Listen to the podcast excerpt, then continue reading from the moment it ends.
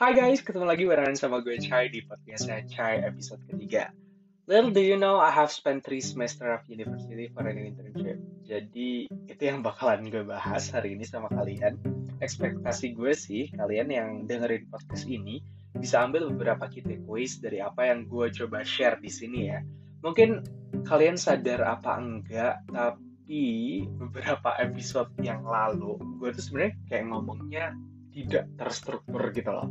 Jadi ini adalah episode pertama yang gue record dengan menggunakan skrip dan hopefully sih ya uh, kalian lebih suka sama episode ini karena I put uh, more effort supaya gue bisa ngomong sama kalian itu apa ya lebih gampang dicerna gitu. Oke, okay, so uh, kalau kalian tahu mungkin kalian juga ada yang belum tahu ya kalian kayak mungkin uh, strangers yang stumbled upon this uh, podcast atau uh, temen gue yang sebenarnya nggak terlalu deket sama gue mungkin kalian juga nggak terlalu memperhatikan gue sebagai manusia di dunia ini alah apa sih oke okay. uh, gue tuh ini jadi kuliah semester 4 gue tuh mulai uh, freelance kerja waktu itu gue uh, jadi social media officer di salah satu digital agency di Jogja. Um, alasan gue kenapa gue mulai freelance waktu itu adalah gue depresi. Aneh ya orangnya kayak orang depresi biasanya kan menyendiri kayak healing atau apa gitu. Tapi gue malah ini ambil freelance gitu. Nah, uh, gue waktu itu tuh lagi ada di salah satu event di organisasi kampus gue. Secara luarnya nih, kalau lo lihat publikasinya and whatnot, event ini tuh kayak sukses gitu loh. Kayak gue berhasil mendatangkan apa yang orang tidak bisa datangkan, tapi bukan syaitan gitu ya. Tapi ini manusia yang fenomenal pada waktu itu gitu ya. Speaker speaker gue tuh waktu itu cukup oke okay lah, kayak keren banget. Tapi ternyata uh, that's not enough gitu. Ternyata financially gue fraud. And what I do that I'm still glad until now back then adalah menganalisis kesalahan gue. And turns out memang outreach gue dan tim itu nggak optimal. Gue terlalu fokus deliver the best and right curriculum buat program itu kayak apa materi yang harus gue sampaikan terus speakersnya. Gue tuh terlalu fokus sama program. Dan segi sponsorship terus gimana gue gather orang buat daftar ke program gue waktu itu lacking banget. Selain itu gue juga nggak punya basic outreach yang cukup oke okay memang gitu walaupun sebenarnya role gue di organisasi kampus itu berhubungan dengan outreach dan juga digital marketing and stuff tapi never have I ever in my life being trained to reach to a certain audience. Gimana sih efektifnya gitu? Gimana sih yang benar gitu? Nah karena waktu itu gue consider outreach yang mungkin gue lakukan adalah secara online melalui media sosial in that time itu sangat happening. Instagram akhirnya gue apply buat freelance digital agency tadi.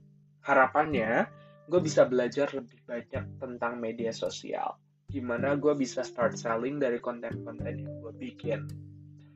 Nah my time back then it was okay. Gue ngehandle project yang cukup gede I can say jadi kalau kalian tahu waktu itu lagi zamannya Asian Games dan akhirnya gue nge-handle social media dari ticketing platformnya.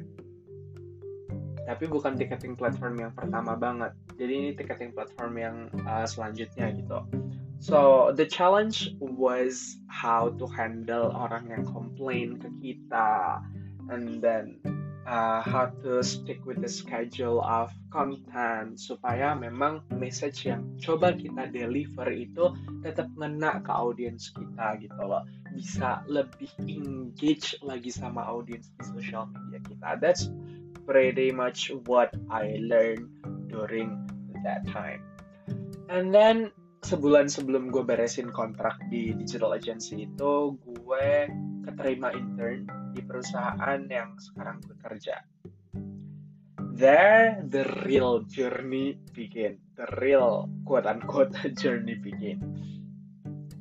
Kalau gue bisa highlight key takeaways dari intern gue yang akan gue emphasize di sini adalah gimana sih cara kita belajar memahami diri kita sendiri. Dan menurut gue, memahami diri sendiri itu adalah start of it all. Di situ kita tahu kelemahan kita di mana, strength kita di mana, opportunity-nya apa gitu. Dan lewat internship itu, gue akhirnya bisa melengkapi armor-armor anjir kayak anak gamers banget. Padahal gue ngegame aja kagak ya. Armor-armor gue ketika kerja nanti gitu. Dan ya yeah, that's pretty much how I feel. I was messed up back then. Gue sangat tidak memperhatikan details anaknya. Gue sangat missed banget soal kerjaan here and there lot of messy things happening. Gue nggak bisa ngelit tim, I can say. Gue nggak bisa ngontrol waktu. Dan yang paling susah gue kontrol itu emosi gue. Gue dulu cengeng dan gampang tersindir. Meanwhile, at the same time, gue tuh overthinker parah Nah, itu kayak gila banget. Kayak state hidup gue tuh kayak dibolak-balik rasanya. Udah stres mikirin kerjaan terus abis itu emosi lo juga nggak stabil so pretty much mess up. So what makes it even better adalah my first supervisor. That I'm still glad until now dia tuh orangnya keras banget. Bahkan sampai terakhir gue cabut nih dari tempat itu tempat intern gue waktu itu kita tuh masih berantem dan adu argumen. Kayak can you imagine like you spend a year and three months getting to know each other working together but still you throw argument here and there. Dan surprisingly ya gue tetap stay gitu kayak no matter what happen gue tuh tetap stay dan itu bukan karena apa-apa karena emang gue ngerasa gue tuh dikritik gue dikasih masukan dan gue dididik juga di situ ada I threw a lot of changes during my intern days. It was hard. It was happy. Yet it full of sweat and tears. I'll still tell you, it all worth it after all. Ini tuh kayak when you're lost and have nowhere to go, all you need is a light to show you the way. And intern is my light. Makanya gue bisa betah banget karena gue gak cuma kerja, quote unquote, tapi gue tuh juga bertumbuh di situ. Itu juga karena gue, itu juga kenapa, sorry, gue mau merekomendasikan kalian buat intern. Sampai sekarang gue kerja, gue ngerasa gue lebih bisa menahan apa ya bad feeling atau bukan bad feeling sih, tapi lebih ke persepsi gue terhadap opini orang lain. Ketika gue diskusi sama tim gue, ketika orang kasih objections ke gue, gue tuh bisa lebih memposisikan diri gue legowo atau kayak kayak blank canvas aja ketika gue ngedengerin uh, opini orang lain. So gue nggak defensive, gue nggak hurting myself at the same time.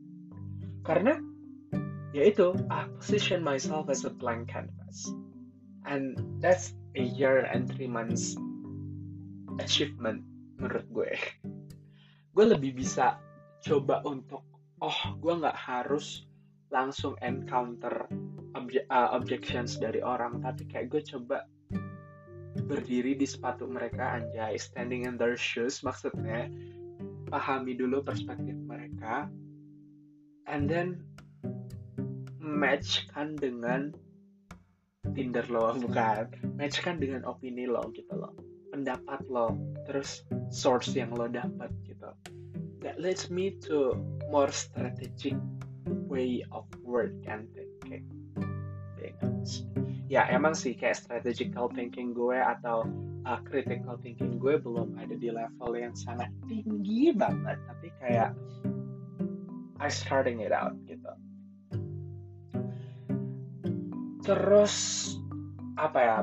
Besides that besides gue bisa lebih menahan emosi gue obviously tadi kayak masalah details terus uh, scheduling. Gue jadi addicted to bullet uh, atau kayak taking notes terus journaling terus ngelist down apa-apa aja yang harus gue kerjain. Karena that's what makes our schedule uh, better. That's what makes you able to work gitu menurut gue time management is not about how you manage your time, but how you apa ya? Maksudnya gini, kalau misalkan lo ngerasa kayak gue dulu, kayak kenapa ya kerjaan gue banyak banget tapi gak beres-beres gitu. It's not about your time management that it sucks. It's about your procrastinations. It's about you keep doing anything first and like put your work behind gitu. Makanya kayak kunci kerja tuh just do it gitu. Kayak Nike anjay gue nggak di endorse sama Nike. I mean like who I am but if Nike wanted to endorse me in particular way I'll be happy to. So yeah just do it aja gitu loh. Kayak start from your apa namanya list. Terus kayak lo bikin priority mana dulu yang harus lo kerjain dan beban lo tuh bakalan berkurang dan lo ngerasa kayak you do something you contribute to something. And that's how I changed during my intern days. And that's what I learned from my intern days. So, gue mau rekomend banget buat kalian yang masih di university atau buat kalian yang udah lulus dan belum dapat kerja. Coba deh, intern dulu aja. Coba kalian tuh ngertiin diri dulu kalian. Diri. Bener gak sih gue ngomongnya? Coba kalian itu ngerti ngertiin diri kalian dulu gitu. Pokoknya intinya gitu ya buat kalau sorry kalau belepotan. Terus apa sih drive kalian alasan buat kalian dapat kerja? Atau buat kalian start your business gitu. Karena buat memulai sebuah karir itu bukan masalah kalian langsung dapat kerjaan tapi apa ya I mean gue tahu kerja itu susah. Tapi ketika lo menikmati kerjaan lo ketika lo enjoy dan happy itu tuh bakalan bagus juga buat mental health kalian. And which will lead you to your kind of happiness juga. Nah ngomongin soal tadi ya kayak masalah kerja atau gue kan sempat mention tuh uh, masalah kerja atau you want to start your adventures and like decided whether you have to to entrepreneur atau kerja gitu. Uh, intern is definitely one of the way uh, buat kalian analyze what was the best fit for you. Tapi kalau kalian pengen tahu lebih lanjut, mending lo kerja atau bikin uh, apa namanya usaha lo sendiri. Kayaknya gue bakalan bahas di episode ke depan. Uh, gue harapannya sih ya doain ya guys ya. Semoga gue bisa connect ke beberapa teman gue uh, buat podcast episode depan. Jadi kalian dengerin gak cuma pendapat gue aja tapi mungkin uh, ada beberapa pendapat yang nanti bisa kalian uh, apa ya dengerin kemudian ambil sarinya gitu ya Oke, okay, paling itu aja sih. Ini singkat banget. Ini kayak cuman 15 menit dari opening sampai closing, I guess. Tapi I hope 15 menit ini bisa ngobatin kangennya kalian sama suara gue aja. Dan itu aja episode ketiga dari podcastnya Cahaya hari ini. Semoga lo bisa nemu value lo dan bahagia sama pilihan karir lo. Buat kalian yang mau mendukung atau mau kasih komentar, kalian bisa banget langsung DM gue di Instagram di at Chaisar C H A I S A R A H M D. So just GM me or kalian mau request sesuatu yang mau gue bahas di podcast ini just slam that DM I like type what you want it but make sure all those things are constructive feedback okay I, I don't accept bashing I will just ignore it tapi kalau misalkan lo mau gue lihat DM lo are respond to your DM please make sure it is constructive I'll see you guys di episode keempat dari podcastnya Chai. Bye!